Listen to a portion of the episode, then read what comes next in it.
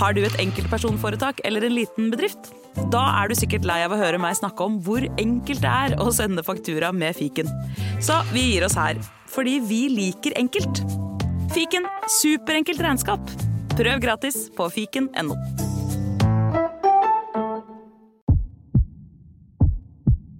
Otto og Anne tar pulsen på landet. Ja, det gjør vi. Jeg heter Otto Jespersen, og hva var det du het igjen? Jeg heter Anne Grosvold, og hver uke har vi med oss en interessant gjest. Det har vi. Otto og Anne tar pulsen på landet. Hører du der du hører podkast. Ready? You have the cameras rolling? He was hosting boozy parties in Downing Street.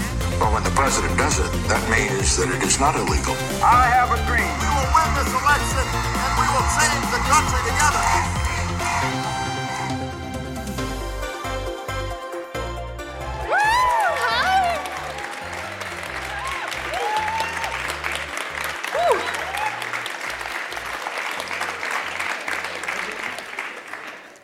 Så hyggelig.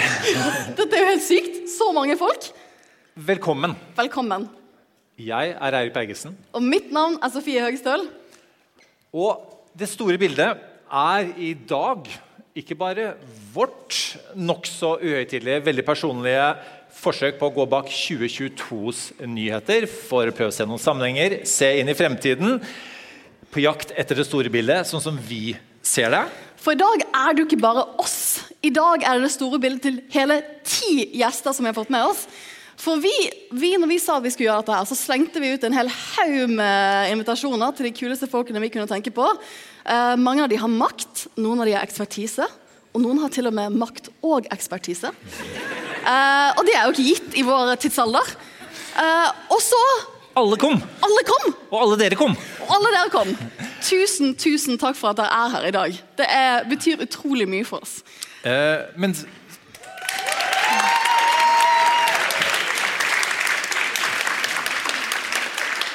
Og eh, så, som, som dere sikkert allerede vet, så vi pleier å snakke i munnen på hverandre i ca. en time. Eh, så i dag skal vi, vi skal være tighte. Vi skal være tighte. Vi skal lytte. eh, vi, Vi skal, skal stille lytte. spørsmål. Eh, og eh, ja Det er ikke helt lett for oss. Vi har øvd i hele dag. Ja, det er ikke lett for Det er ikke lett for oss. Men vi tenkte jo i dag at det er jo ikke noe vanskeligere enn å prøve å bli speaker i Representantenes hus. Cirka Jeg tenker at Kevin McCarthy nok heller skulle vært her i kveld. Jeg tror at det er en litt, sånn bedre crowd Bedre også for han. Ja. Det er en bedre vibe. Um, men ingen far, for vi skal jo komme tilbake til alt som skjer uh, i USA litt senere i kveld. Og så skal vi make January 6 great again. I alle fall i Norge. I hvert fall i Norge. Mm, hvert fall i Norge. Jeg vet, eh, du var litt spent på hvilken T-skjorte jeg kom til å ha på i dag. Ja, det var jeg. For Eirik uh, morer meg hver uke med sine spenstige T-skjortevalg. Jeg gikk for veldig stabilt geni. Ja, Jeg tenkte at Er, er ikke det det verden trenger akkurat nå, da? Et, um, Veldig stabilt geni. kanskje ikke han som Ikke han som ble nominert til Speaker of the House i går. fikk én stemme. Fikk en, Donald Trump fikk én stemme. Mot sin egen Um, vilje. Mot sin egen vilje. Han, Eh, han har dessverre ikke gått helt bort. Han eh, kommer til å se mer av i 2023. Absolutt. Når primærvalget kommer. Vi skal snakke litt om det også. jeg, jeg valgte jo å ta på meg kjolen som vi vant Alle mot alle i. For det at sist Ja, takk, takk. For sist du og jeg var her, så var vi her på en Alle mot alle-fest. Hvor du ble så overgira at du prøvde å vinne quizet med alle de andre Alle mot alle-vinnerne. For da tenkte du sånn, Hvis vi vinner dette quizet her, så er vi de flinkeste av alle Alle mot alle-lagene. Og jeg kan avsløre at vi vant ikke. Vi vant det andre, da. Det liksom- Vi vant det andre, ja. Ehm, vi gjør ikke dette helt alene, fordi eh, dette er i ledtog med NHOs årskonferanse som var i går. Dette er på en måte forlengelsen eh, av det. Eh, Så med det så vil jeg gjerne ønske velkommen opp på scenen NHOs viseadministrerende direktør Anniken Hauglie. Velkommen. Takk, takk. Det er en helt fantastisk måte å avslutte uka på. da, Så mye folk og sammen med dere. og Dette må jo bare bli bra.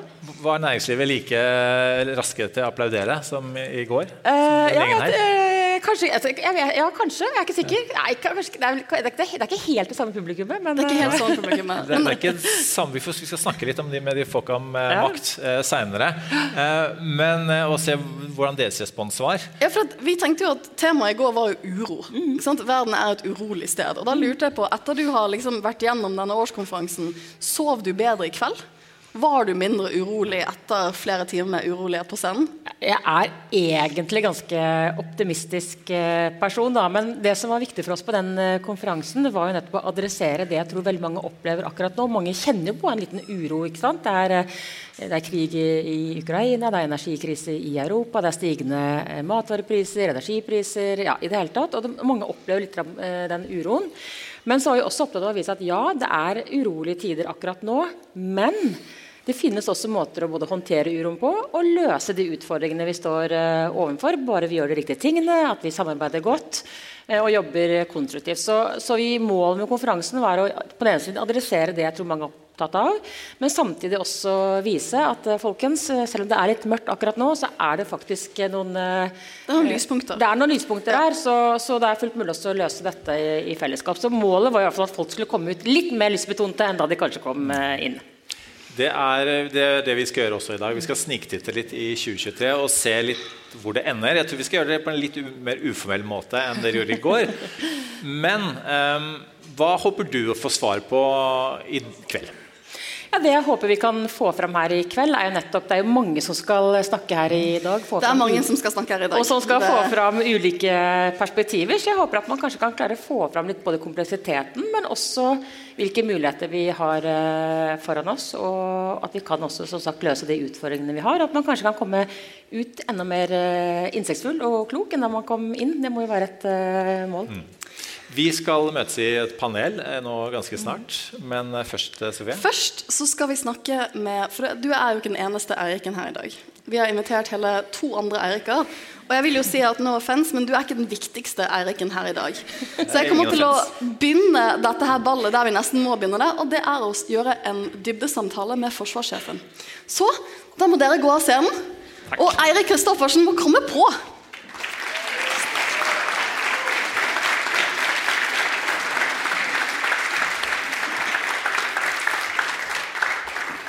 Tusen takk for at du tok deg tid til å komme her i dag. Eh, Du var jo mitt førstevalg av gjester, men vi trodde ikke du ville ha tid. Så det, men vi tenkte hvis vi ligger der rett rundt hjørnet fra der du bor, så vil du kanskje komme. Så Ja, det- tusen takk. Takk, skal takk for invitasjonen. Det var jo sånn at Jeg trodde at jeg var på The Hub. Så jeg ba jo sjåføren kjøre meg til The Hub, da, og så eh, lurte hun på hvorfor ikke vi kan, jeg Kunne kunne gå, gå. da. ja. Så sa jeg det snør jo så mye. Men så det er rundt kvartalet, og så var vi her. Så jeg, så jeg sa ta, ta fri resten av kvelden. Ja. Jeg har jo masse spørsmål, men jeg tenker at vi må egentlig begynne med det som skjer akkurat nå. Og det er jo denne våpenhvilen som Putin da skal ha prøvd å løfte frem de siste 24 timene. Kan du forklare oss hva som skjer nå? Ja, det, for det første så er det ingen grunn til å stole på Putin. Eh, han har vært notorisk eh, løgner i mange mange år eh, og fortsetter å lyge. Så jeg skjønner veldig godt at, eh, at Zelenskyj ikke stoler på det her eh, og ikke vil inngå en gjensidig våpenhvile. Da. Eh, og det som, eh, Hvis jeg legger godviljen til, så er det jo, så er det jo jul i Russland nå. Eh, Ja, for de har ortodoks er jul, så de jul, så de feirer nå. Eh, så det kan jo Da legger jeg ordentlig godviljen til at man ønsker at folk skal få feire jul i, i de okkuperte områdene. Men, eh, men jeg tror at det, det vi ser, er en desperat Putin eh, som Det går ganske dårlig i Ukraina eh, for Russland. Og, og de trenger en pause for også å kan du si, gjenoppbygge styrkene sine og, og eh, gjøre seg klar til å fortsette krigen. Så, eh, så jeg ville ikke lagt så mye i denne våpenhvilen eh, som er foreslått. Det er i så fall en, en pause, en, en sårt tiltrengt pause for de russiske soldatene. Tror du at, for det jeg føler, det jeg hadde tenkt å begynne denne samtalen med før jul, det var jo at på det tidspunktet så så vi jo at eh, Ukraina gjør jo flere og flere offensive angrep. Bl.a. et angrep som kom litt før jul, hvor en del russiske soldater ble drept. Er dette en endring i krigen, det vi ser nå? Det, det er ingenting av det Putin ønsker å oppnå i Ukraina, som er oppnådd. Eh, så verken Opprinnelig så ville han bytte både, både ledelsen i Kiev, han ville okkupere store deler av, av Ukraina. Eh, han ville eh, også hindre Nato-utvidelse. Eh, og han satsa nok på et, på et splitta Vesten. Eh, det som har skjedd, er jo det motsatte. Altså Zelenskyj er sterkere enn eh, på lenge. Det det er en, eh, et sterkt samhold i Vesten. Og i tillegg så, så, går det veldig dårlig på bakken for de russiske styrkene, heldigvis. Eh, så han, han, når ikke målsetningene sine. Og i tillegg så, så søker Sverige og Finland Nato-medlemskap, så Nato mm. blir faktisk utvida. også ikke i Ukraina, men med Sverige og Finland. Så det er ingen av målsetningene som er nådd. Men jeg tror heller ikke Putin har endra målsetningene sine. Så eh, det vi ser, er en, en, krig som har gått over i det jeg kaller eh, en eh, utmattelseskrig, der frontene er ganske fastlåst, og der Russland nok har tida på sin side. Så jo lenger, jo lenger krigen drar ut, jo eh, mer oppnår Putin av de målsettingene han opprinnelig hadde. da. For Vi møttes um, jeg føler uken etter invasjonen. så tror jeg Vi var på Dagsnytt 18 samtidig. Jeg var der for å snakke om krigsforbrytelser, og du var der for å snakke om hva som skjedde. Og jeg bet meg merke at Allerede da så var du veldig tydelig på at du tenkte at dette ville bli en langvarig konflikt. For jeg, jeg kan jo ingenting om, om, hvordan kriger utspiller seg. Det er jo det det har blitt så langt. Eh, tror du at det vil bli noen endringer? For som du sier, Nå er vi jo nesten et år inni i dette, og ingen av disse måloppnåelsene har blitt nådd. Um, vil vi se en utmattelseskrig i, i månedene som kommer? Ja, Dessverre så tror jeg det. Jeg tror at denne krigen kommer til å være veldig sånn fastlåst eh, nå gjennom vinteren. Eh, og så har ikke Russland tenkt å gi seg. Og målsetningen både til Ukraina og Russland er så forskjellig mm. at det, det, er heller ikke noe sånn umiddelbart grunnlag for, for forhandlinger. Så, så, alle kriger ender jo, til slutt på et forhandlingsbord. Og det vil nok denne også gjøre. Men, eh, men akkurat nå så, så, kommer ikke Russland til å, til å, gi seg. Og Russland har, eh, har kapasitet til å, til å, produsere enda mer. De har gått til andre lignende regimer for å få tak i våpenhjelp. Iran, eh, Nord-Korea. Eh, sånn at de kommer til å holde på lenge. Og, og det er ikke noe militær løsning på denne krigen. Eh, for jeg tror heller ikke Ukraina kommer til å være i stand til å gjenerobre absolutt alle områdene, inkludert Krim, eh, for å få en situasjon som var før 2014. Det tror jeg ikke. Eh, sånn som situasjonen er nå. Det som kan endre det, er jo en, en sånn uforutsette ting. da. At det plutselig blir en forhandling mellom Zelenskyj og, og, Putin av en eller annen grunn. Eh, eller at, at, det blir en sånn kollaps i moralen mm. blant de russiske styrkene. og tilbake til det angrepet som, som du snakka om, der veldig mange russiske soldater ble drept i et sånt angrep bak de russiske linjene, så, så har den en større effekt på moralen blant de russiske soldatene enn en kan du si at Ukraina vant tilbake igjen eh, noe særlig territorium. Jeg så at uh, På Facebook i går så delte du Jens Stoltenbergs tale fra årskonferansen. og Det er jo ikke overraskende den talen som har blitt delt mest i sosiale medier i dag. Hva var det som traff deg med det han sa? Det var jo alt. Det var alt. Hvert eneste ord. Ja, det var egentlig det. Altså, han, han, dro jo både de historiske linjene, det, det håpet vi alle hadde etter den kalde krigen, eh, der vi trodde faktisk på et, eh, en ny mulighet for Russland, og Russland hadde den muligheten. Eh, vi hadde, jeg husker til og med i spesialstyrkene som var en del av, mm. før 2014, så hadde vi besøk av, av russisk general som var sjef for Vestre militærdistrikt, altså det som heter Leningrad militærdistrikt. Så det var jo en, en sånn tro på at vi kunne få til noe bedre. Eh, den muligheten har ikke Russland benytta seg av.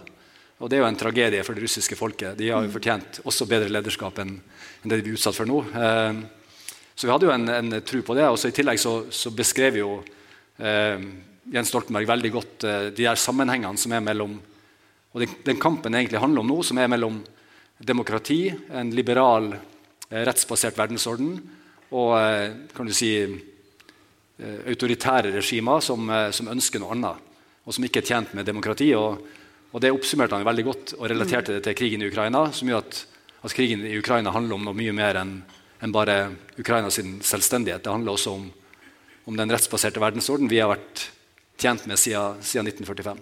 For En av de tingene han sa som, som så klart har fått eh, spesiell oppmerksomhet, er jo han sa eh, rett og slett at våpen er veien til fred. Jeg tror at Hvis du er på min alder um, og ikke, ikke, flykter til Norge fra et, et krigsrammet land, så er det litt sjelesettende å høre de ordene der sagt av Natos sjef. Men jeg tenker for deg er det jo kanskje innenfor det du tenker om veien til fred. Ja, ja, nei, jeg, tenker jo, jeg tenker at altså, Vi har et forsvar i Norge og vi er medlem av en allianse basert på, på lærdommene vi, hadde, vi sjøl hadde fra andre verdenskrig. Så vi, vi, hadde jo Vi trodde jo at det å være nøytral var ei god løsning, og at vi hadde venner. Men så lærte vi at allierte er mye mer enn venner. Så vi valgte å bli medlem av det som nå er verdens eh, sterkeste militære allianse. Og, og, eh, og, dermed gjennom et sterkt forsvar, en sterk allianse, eh, trygge freden. da. Så det er jo eh, fred gjennom styrke. da. Det, det at, og det er jo hele rasjonalet for forsvaret vårt det er jo at vi skal ha et så sterkt forsvar at vi aldri blir utfordra i eh, Norge igjen. Vi skal aldri oppleve 9. april. Vi sier fortsatt aldri mer 9. april, i hvert fall mm. min generasjon. Eh, og, uh, og da, da, Derfor er vi veldig enige med Jens Stoltenberg at uh, den beste måten å sikre freden på, er å, er å ha et, et sterkt forsvar. Da. Men det er ikke den eneste måten. Så, så det, vi må aldri slutte å tro på, på diplomatiet og på, på, at man kan finne gode politiske løsninger. For det er det som er, er det primære. da. For det jeg lurer på er at Du, du blir forsvarssjef, og du, du, vet at det ligger store utfordringer i den norske forsvarsevnen i form av hvordan man skal modernisere Forsvaret. Du har en stor oppgave foran deg. Og så blir det krig i Europa. Hvordan balanserer du det å både se nasjonalt på hva vi må gjøre her, og det bildet som er i verden nå? Hver dag så må vi jo alle prioritere. ikke sant? Vi må det. Eh, men det har vært eh, veldig to og et halvt, snart tre veldig spesielle år. da. Altså, vi har hatt både pandemi, vi har hatt eh, for min del uttrekket fra Afghanistan. Det var en ganske stor sak etter 20 år år i Afghanistan, der jeg har brukt mye av tida mi òg. og så fikk vi den russiske styrkeoppbygginga altså utenfor Ukraina. og så fikk vi krigen i Ukraina. Og så Eh, får vi nå Sverige og Finland som søker Nato-medlemskap. Og skal bli Nato-medlemmer forhåpentligvis i, i, løpet av året. Så det, det, jeg mener at det er historisk tid. Mm. Eh, det som har skjedd de siste tre årene, er helt annerledes enn det som har skjedd de første eh, 30 årene av min tid i Forsvaret. Så hadde du, hadde veldig... du trodd når du søkte jobben, at du skulle være forsvarssjef i en historisk tid? Eh, nei, det hadde jeg ikke trodd. Eh, jeg trodde at jeg skulle få tid til å gjøre de moderniseringene og omstillingene av Forsvaret som jeg mener er helt nødvendig. Eh, og det skal vi få til òg, men, eh, men eh, at det skulle skje så mye altså både, både den måten uttrekket fra Afghanistan skjedde på, eh, og at, og at det faktisk det største vi driver med om dagen, er jo, er jo en stor operasjon for å støtte Ukraina militært. Både med, med, donasjoner, men også med, med trening og øving av ukrainske soldater. At det skulle skje så raskt i løpet av tida mi som forsvarssjef, det, det, så jeg ikke i, i, i, fjor, altså i høsten 2020. Jeg var så, så, heldig at jeg ledet en konferanse for dere for unge talenter i Forsvaret. Det er noe av det morsomste jeg gjorde i 2022. Det var et skikkelig høydepunkt for meg. Og en av de tingene du sa da, som jeg bet meg merke i, som jeg har sagt videre til studentene mine For jeg merker at studentene mine er urolige i den verden vi lever i nå. Eh, det var at du sover fortsatt godt om natten. Sover du fortsatt godt om natten i 2023? Ja, det gjør jeg. Eh, litt for at jeg står veldig tidlig opp om morgenen og jogger. så, så, eh, så, jeg starter stort sett dagen med en joggetur. Da, og da, det gjør ikke jeg. Da blir jeg ganske trøtt, jeg blir ganske trøtt om kvelden. Men, men jeg, jeg, mener at det er viktig. da. Altså, vi må huske på at krigen foregår i Ukraina. Det er der det skjer. Det er en tragedie for det ukrainske folket. Vi bor sannsynligvis i historiens beste samfunn. Altså Norge 2023 er fortsatt et veldig veldig bra land. Så, så, i en sånn tid der det skjer veldig mye i verden, og det har vært store ting, så skal vi fortsatt uh, tenke at vi skal keep calm and carry on, som engelskmennene uh, hadde under andre verdenskrig. Vi skal beholde roen, og det er viktig. Det er viktig at vi gjør det. Det er viktig at vi tar gode avgjørelser. Uh, og det, det, er viktig at vi eh, fortsetter å ha trua på fremtida, og det har jeg. Jeg har absolutt eh, trua på at, på at det kommer til å bli bedre etter at, etter at vi har fått lagt bak oss en del av de tingene som skjer nå. Men, men grunnen til at jeg sier at det er historisk tid, er for at de hendelsene jeg har beskrevet, skjer også på et bakteppe med, med klimaendringer. Og hvis vi tenker sånne trusler mot menneskeheten, så er det faktisk det mest alvorlige vi står overfor. Og de valgene må vi ta nå. Jeg hadde ikke trodd at du skulle ta opp klima avledningsvis her. Nå er det masse spørsmål. Vi må stille oss litt her, og så skal vi få panelet straks. Um, en av de tingene jeg også lærte om deg under den konferansen vi hadde for Forsvaret, det var at, uh, for jeg spurte deg om du hadde noen fun facts om deg selv. Uh, og så måtte du tenke litt, og så sa du at en av de få fun factsene du kunne tenke på der og da Men du tenkte jo på masse fine fun facts etterpå. Men den første fun facten var jo hvor glad du er i caffè latte. Uh, og så viser du meg alle kaffekortene dine du har i Oslo. Eh, og det var en utrolig imponerende samling, så hver gang jeg drikker kaffe latte, nå, så tenker jeg på deg. Det, det, det hadde jeg ikke trodd. Eh, vi skal få opp et helt knallpanel for å utfordre noe av det vi har snakket om her. Eirik, to. Ta med Eirik tre. Har du et enkeltpersonforetak eller en liten bedrift? Ikke det? Nei. Nei, men da holder vi det enkelt og gir oss her. Fordi vi liker enkelt. Fiken superenkelt regnskap.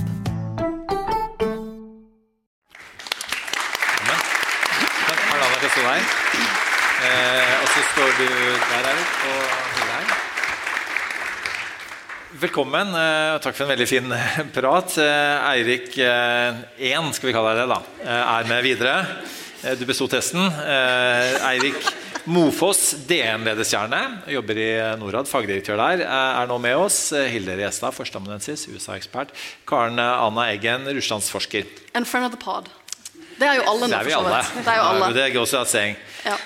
Begynn med deg, Karen Anna. Hva, hva var det du bet deg merke i i denne praten med forsvarssjefen? Ja, altså, eh, Forsvarssjefen er jo òg min øverste sjef, så jeg må jo bare gi masse skryt. Og jeg er helt enig i alt som ble sagt. Men Du tar den Stoltenberg-versjonen. Alt. Alt, alt, alt var veldig bra. Ja. Men dere har aldri vært i et panel før, har jeg skjønt? Nei, vi har vel ikke det. det Eh, Dette er gøy. Men én gang må være de første, så det er veldig hyggelig å være her. Eh, nei, altså, Jeg deler jo eh, veldig mye av analysene til forsvarssjefen. Det er kanskje en, et eh, eh, lite påheng som jeg kan tenke meg til den Dere var jo innom det med eh, fredsavtale og det, ikke sant, eh, at Putin nå vil ha to dagers julefred. Eh, en kan jo også se så klart Russland har interesse av å sette ting på pause, etterforsyne. um, få hvilt soldatene litt. Men jeg tenker et like så viktig aspekt her er jo også den propagandabiten av sånne utspill. Og Russland har jo gjentatte ganger nå over jul ikke sant, vært ute og snakka om og vi ja, men vi er helt uh, åpne for fredsforhandlinger, vi, så klart. Uh, og i neste øyeblikk så er det snakk om at nei, men vi skal utslette ukrainske militære. Um, og den balansegangen der er òg en del av et propagandautspill for å få Russland til å eh, virke mer spiselig, og Ukraina som en hardliner. Eh, så det var litt jeg, viktig. jeg så de sa at de var ukristne ved at de ikke ville gi julefred. Ja, det er ikke sant. Religion er jo en veldig Det er jo eh, veldig mye følelser og knytta til et sånt utspill, som òg Putin vet at Ukraina aldri vil gå med på, for de har all eh, motivasjon og insentiv nå til å kjøre på videre og, og, og legge press på russerne. Eh, gitt at de nå Ukraina har insentivet fremdeles på slagmarka. Men ellers så er jeg jo som sagt veldig enig i analysene. Ja, eh, vi, nå har vi allerede begynt med det sove godt om natten-greiene. Vi kan like godt fortsette med det. Eh, sover du eh, litt bedre eller litt dårligere om natten eh, nå etter, inn i det nye året? Um, jeg sover bra om natta. Uh, ikke fordi jeg er oppe og springer på morgenen, jeg heller. Men, uh, men vi har det jo veldig komfortabelt og trygt her i Norge. Ja, Det er egentlig spørsmålet mitt. Altså, Har vi grunn til i Norge eh, å tenke at det er forferdelig det som skjer der, men eh, det er ikke, vi er ikke i fare sånn som det ser ut nå? Vi er kanskje ikke i fare i dag, men jeg tenker jo det er verdt å, å, å merke seg at eh, altså Vi kan ikke på en måte si noe om egentlig krigens slutt basert på hvordan situasjonen er på bakken i dag. og eh, Vi snakker veldig sånn isolert om Ukraina ofte. Det gjør jeg òg. Eh, hva skjer på slagmarka? Hvem har initiativet? Russland gjør det veldig dårlig. Men så klart, et mulig scenario her er jo òg at du får en eskalering, at du får en Nato-involvering. Jeg ser ikke at det er veldig sannsynlig, men eh, ting er veldig usikkert, og krigens dynamikk er eh, usikker. Så det er jo så klart jeg er veldig bekymra, og krigen er på en måte ikke over før den er over. Vi, eh, vi Ja, ja, ja, det, det, er et veldig viktig poeng at eh, viktigheten av Norge har økt sånn strategisk for eh, Europa og Nato, og egentlig Russland også, som en følge av denne krigen. Fordi at Russland er svekka på det vi kaller konvensjonelt. Altså land, sjø- luftstyrker. Men de har beholdt sin kjernefysiske kapasitet, og den er plassert stort sett utenfor Norge, på Kola. Så nordområdene blir viktigere for Russland. I tillegg så er Europa blitt mer avhengig av eh, norske energileveranser, som også gjør at Norge blir mer viktig. Så det, det er mange følger av denne krigen som vi kommer til å nå tok jeg bare opp to da, som vi kommer til å måtte eh, stå i det ganske lenge. da. Mm. Norge er blitt viktigere og viktigere overfor verden. Og, eh, men det skjer mye annet i verden enn Russland og USA, Hille. Eh, og det eh, Du kom inn på deg, Eirik. Eh, M. Du er fagdirektør i Norad. Eh, du er også medgründer av en stiftelse som heter Gi effektivt. og Det er en kostnadsfri videreformidlingstjeneste for donasjoner til verdens mest effektive bistandstiltak. Det ser veldig bra ut. Eh, og det er en del av en internasjonal bevegelse som heter eh, effektiv altruisme. Var det noe jeg tenker at vi trenger i våre dager, er det ikke et mentalt stabilt geni, men det er effektiv altruisme.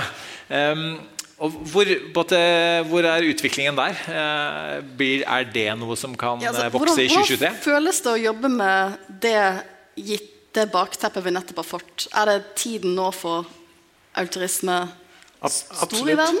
Absolutt. Jeg tenker På samme måte som Norge sin posisjon har blitt viktigere, så er også våre private handlinger og vår bistand, enten i private donasjoner eller gjennom statlig regi, blitt viktigere. Fordi når problemene blir flere i verden, eh, og midler trekkes til nye problemer, kanskje vil mange si for mye av konsentrasjonen vår og oppmerksomheten rettes mot det som er nytt, og det som er i media, så blir det flere problemer som blir neglisjert, og det er også større muligheter for oss som privatpersoner til å bidra. Og det er sånn at Når man har knapphet på ressurser og ikke kan hjelpe alle som trenger det, så er det enda viktigere at vi prioriterer godt og hjelper først de som trenger det aller mest. Og Da mener jeg at den effektive altruismetankegangen og vår personlige mulighet til å bidra er så utrolig viktig. Jeg sover også godt om natta eh, fordi jeg mener det først og fremst er noe nærsynt å bli for pessimistisk i et år eller starten av et tiår som dette. Fordi verden har tross alt blitt bedre de siste ti årene. Det er blitt en milliard færre ekstremt fattige i verden de siste 20 årene. Og barnedødeligheten er f.eks. i et land som Tanzania da, redusert med to tredjedeler. Det betyr at bare i Tanzania så er det 200 000 barn ekstra per år i dag kontra 1990 som overlever til de blir fem.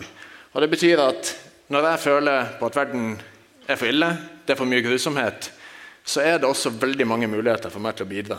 Der offentlige bistandspenger flyttes ut pga. andre problemer, så kan jeg som privatperson komme inn og bidra.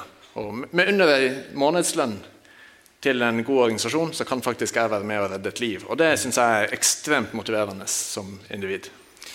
Eh,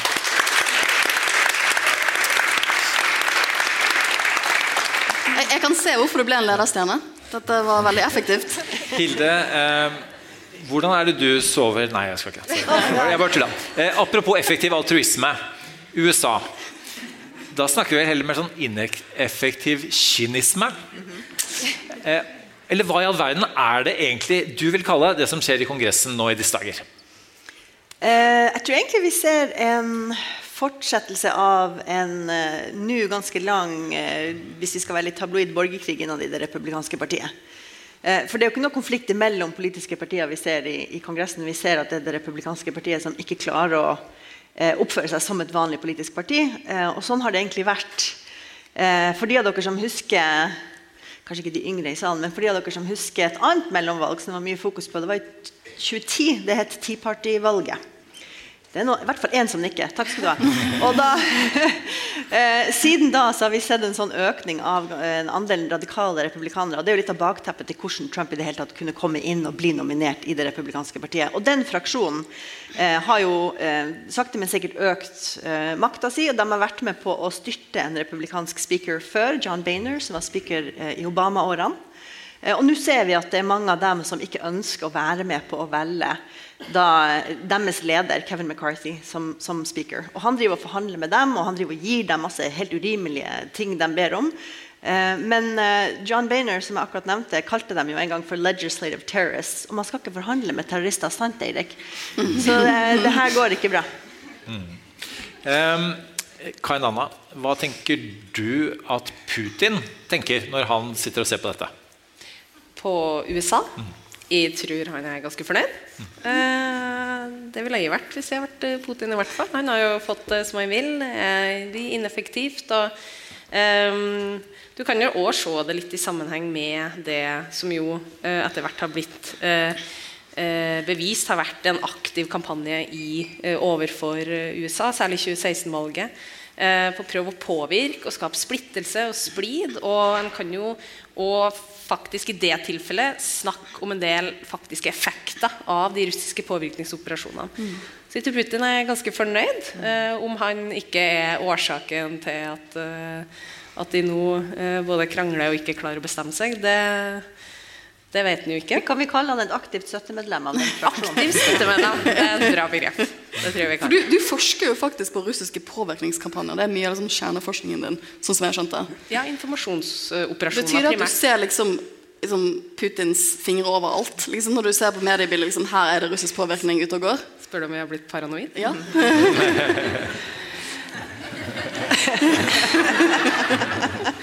Kanskje. Kanskje.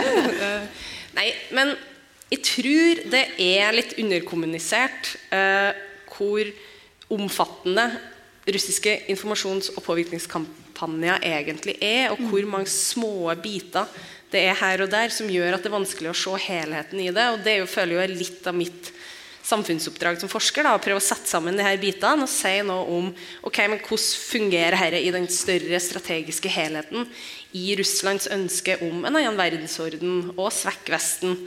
Um, og vi ser jo daglig ulike russiske narrativ som forplanter seg inn i, i vestlige media osv. Så, videre. så jeg er kanskje ikke paranoid, men jeg leter jo etter da, små tegn. Du er som Carrie i eh, hva heter det, den Homeland. Sant? Du leter liksom Nei, schizofren, Hun var litt schizofren, ja. Men, liksom, men, men hun var jo også et geni! Hun var jo også et geni, Det, det er det som er viktig å huske på. Jeg tar genigreier. Jeg tar geni, ja. Men jeg, det jeg tenker litt på med, med, med dette med russisk påvirkning, er jo at um, en av de mest spennende samtalene jeg hadde på Arendalsuka, det var med um, utviklingsministeren, som er superkompetent. og Hun sa at hun har nettopp vært tilbake fra en lengre reise i uh, Afrika, hvor hun har vært og observert årsmøtet i Den afrikanske union. Det som virkelig slo, eller En av tingene som virkelig slo når noen var der, var hvor mye russisk propaganda det var i deler av afrikansk media knyttet til invasjonen. Um, og at vi i Vesten har en tendens til å tenke at alle ser på denne krigen som det vi gjør. Ikke sant? Alle tenker at her er det klart Ukraina som er den gode parten, og her er det klart Russland som er den stygge ulven. Eh, og det er ikke tilfellet. Ikke minst fordi at Russland bruker mye mer tid på å forplante disse narrativene. Og da ser jeg at du har oppe hånden, eh, Hilde.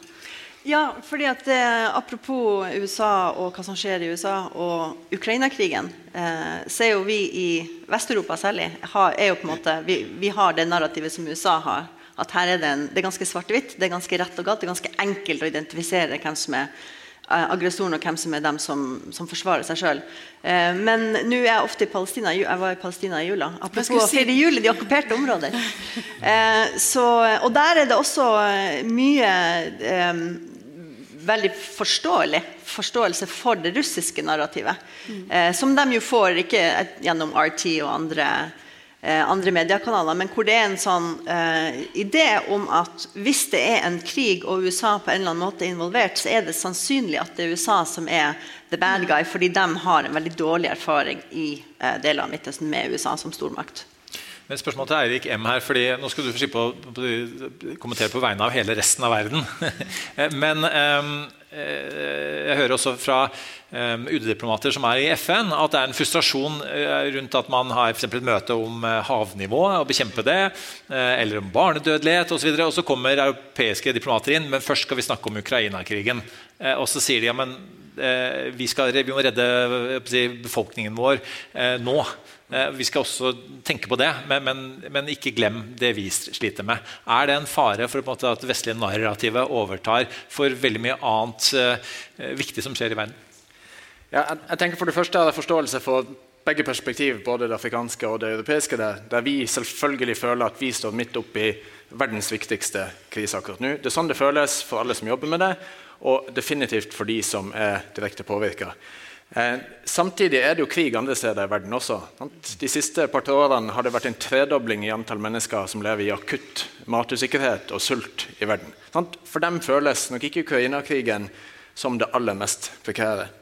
På den andre sida, hvis man skal ta og forsvare vårt europeiske perspektiv, så er det sånn at når det kommer til trusler som atomvåpen, som pandemier, som biologiske våpen, så er vi jo alle sammen i en båt. Så når det faktisk er snakk om krig med et land som kan bruke våpen, som kan utslette kanskje vår menneskelige eksistens, så syns jeg det er ganske naturlig å, å ha det perspektivet på at dette er det viktigste i verden akkurat nå.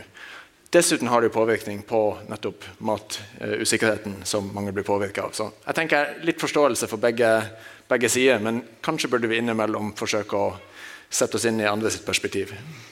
For nå, eh, Jeg fikk en tekstmelding fra lillebroren min som står der, om at vi burde snakke om Kina snart. Eh, og det, det, det, skal vi gjøre. for jeg tenker sånn, Når vi snakker om dette store verdensbildet og hvem, hvilke andre aktører som nå er på banen i en del av disse konfliktene, så er det jo Kina.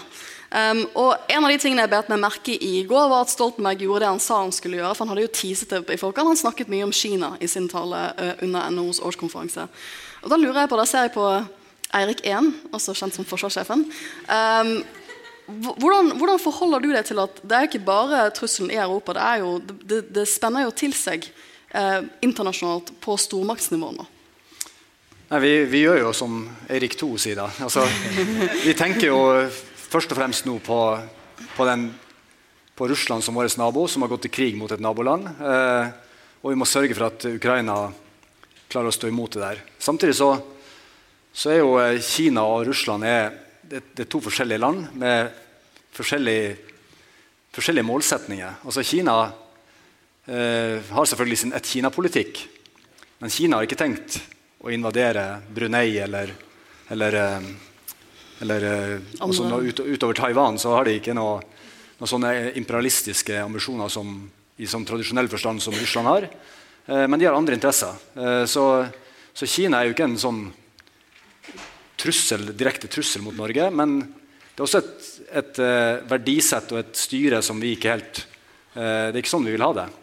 Så, uh, så da kommer jo det her spørsmålet inn.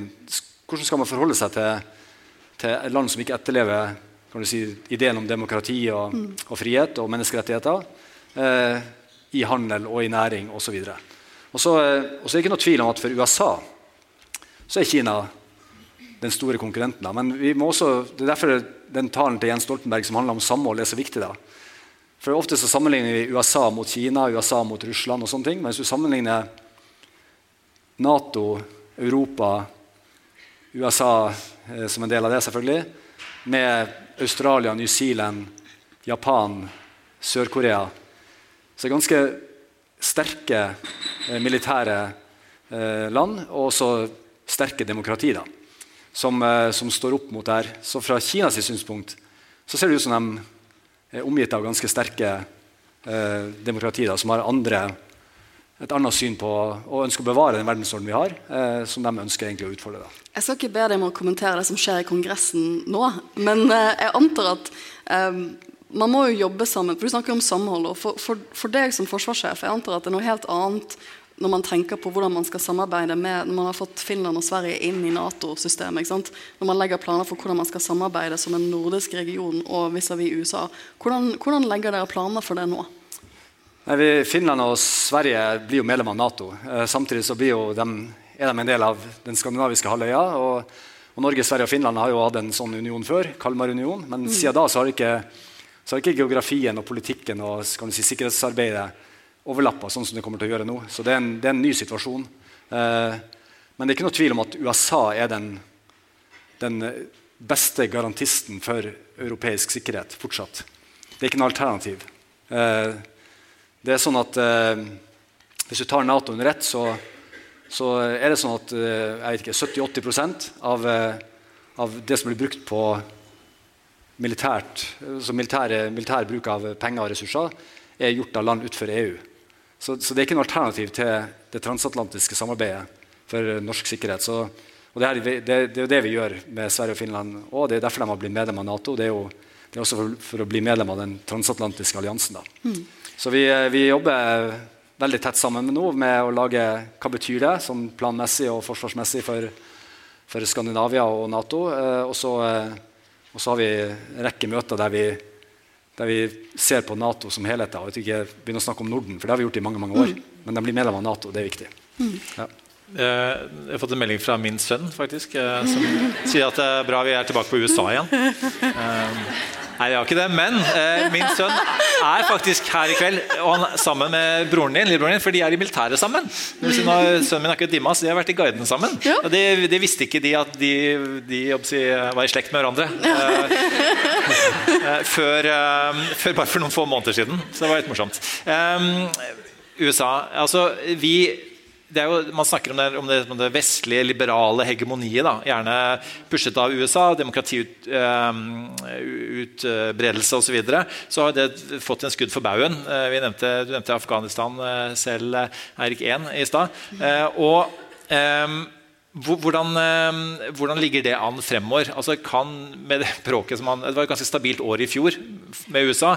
Det, det var en type sånn forutsigbarhet. Eh, og USA ble en stabil eh, part i Ukraina-krigen. Samtidig ga de Nato-rom, de ga EU-rom, og det var på en måte et type sånn samarbeid. Hvordan ser du USA, hvordan de tar den, den ideologiske posisjonen i verden fremover? Nei, så Pga. alt det forsvarssjefen sa, så er det jo veldig veldig viktig for alle som er avhengig av USA for sin egen sikkerhet, hvordan det går med USA.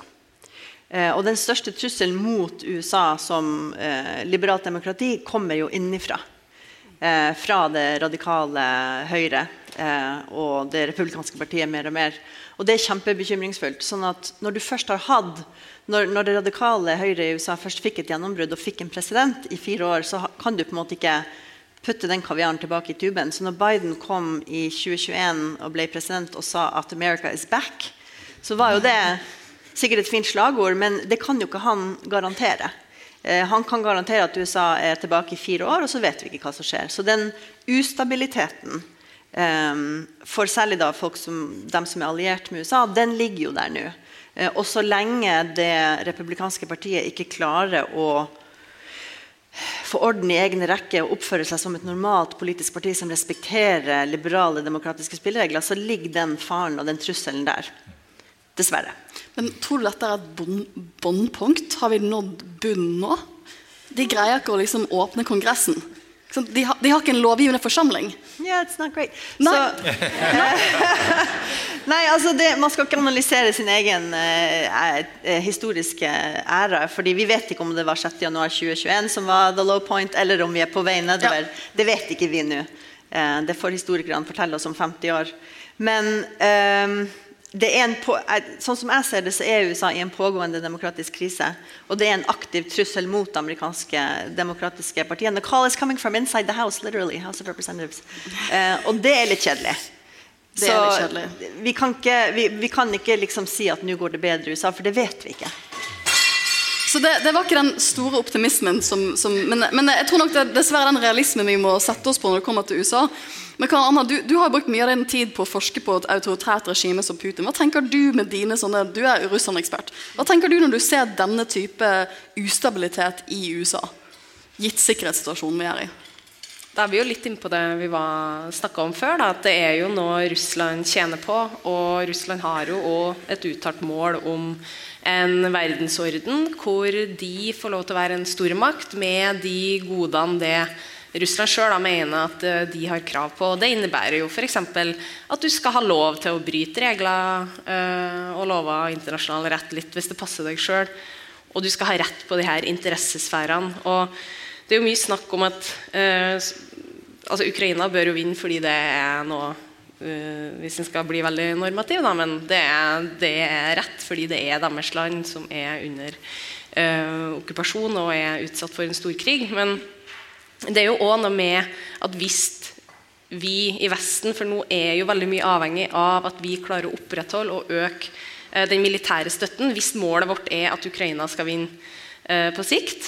Um, fordi, og Det handler jo litt om nettopp det her autoritære eh, kreftene rundt omkring som er på frammarsj. Og En seier, russisk seier i Ukraina er jo òg for veldig mange i hvert fall anser det da som et uh, klarsignal for andre autoritære krefter som kan ha lignende ambisjoner da, overfor andre naboland. Så det er, det er jo noe de på én side tjener på når det er kaos. Uh, men det er jo ikke bare USA som roter til det for seg sjøl. Uh, Russland har jo òg vist at de har betydelige problemer Eh, på slagmarka og eh, politisk, økonomisk. Så det er jo ikke bare velstand der heller. De, så får vi se da, om det vil resultere til at de òg spises opp innvendig, og eh, det blir ustabilt. Vi skal gå inn for landing, men jeg tenkte du kunne få avslutte Eirik Eirik junior. Blir det feil? Du er mye yngre enn oss andre. Sant det. Ja. Um, for dere har eh, Norad Eirik fylte 50 eller i fjor. Ja. 51 da. Nei. Tenkte du å si det? Nei, nei, nei dere ja, jeg, jeg, føler at okay, okay, den, den, autoriteten da, gjør at jeg kan si det. Uh, men uh, dere har Norad-konferansen nå uh, i slutten av måneden. Mm. og Vi snakker en del om handlingens tiår, som jo FN har hatt. Som hvor, hvor var veldig mye man skulle gjøre. som Ikke minst når det gjelder klima, men også altså bærekraftsbegrepet i seg selv, da, som, som rommer veldig mye mer enn bare klima. Og så kom pandemien, og så kom krigen nå. Og vi er nå ca. en fjerdedel ute i handlingens tiår. Og det har ikke vært så mye handling på de tingene. Kan ikke du avslutte med å si noe, noen lyspunkter eh, om eh, hvordan vi kan ende dette tiåret? Jeg vet ikke om jeg skal spå så mye akkurat om, om 2023, men hvis man ser litt større på det, så er, Jeg nevnte at vi ofte blir litt nærsynt når vi snakker om at det går så dårlig. Og nevnte et par eksempler på ting som går veldig bra. Men disse tingene er veldig vanskelig å observere over veldig veldig kort tid. Sant? Nedgangen i ekstrem fattigdom, barnedødelighet, levealder osv.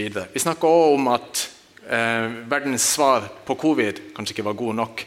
Og Det viser litt hvordan Det er ikke bare sånn at USA er viktig for verden, og Russland og verden er viktig for USA. Men det som skjer ute i verden, også de fattigste landene, er også veldig viktig for oss. Sant? Når jeg har en røykvarsler hjemme så hjelper det ikke bare at jeg har det, jeg er også avhengig av at flere andre i blokka har det. Sånn at jeg skal bli varsla tidlig om det andre som får brann hos seg.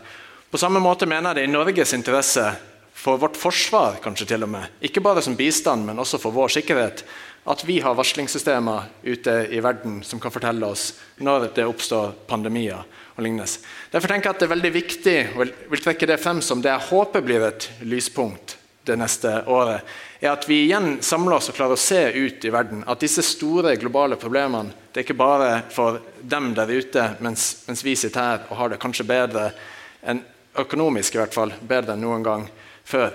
Vi er også avhengig av å dele noe av det vi tjener på energikrigen eh, Russland fører, med de fattigste landene i verden, sånn at vi kan unngå flyktningstrømmer, sånn at vi kan unngå nye pandemier. og og gjør at 2023 blir et lyspunkt for alle. Jeg klarer ikke å avslutte noe bedre enn det. Ja. Tusen takk til panelet. Tusen takk. That's enough. Put down the mic. Velkommen til Kjemperådet! Ohoi! Vi har fått inn et kjempekleint problem fra Trine Lure 22. Okay. Jeg leser De to andre i kollektivet mitt har begynt å date, og jeg syns det er veldig kleint når vi skal se på TV sammen, og de bare skal kline. ok, ja, Hvordan skal hun løse dette? Mm. Siden Trine Lure er under 30, får hun jo ubegrenset data fra Telenor fra 399 kroner. Da mm. Da kan hun sette seg på sitt eget rom, streame så mye hun vil på mobilen. Ja, Hun kan jo se på nye mobilabonnement på telenor.no. Ja, det er lurt.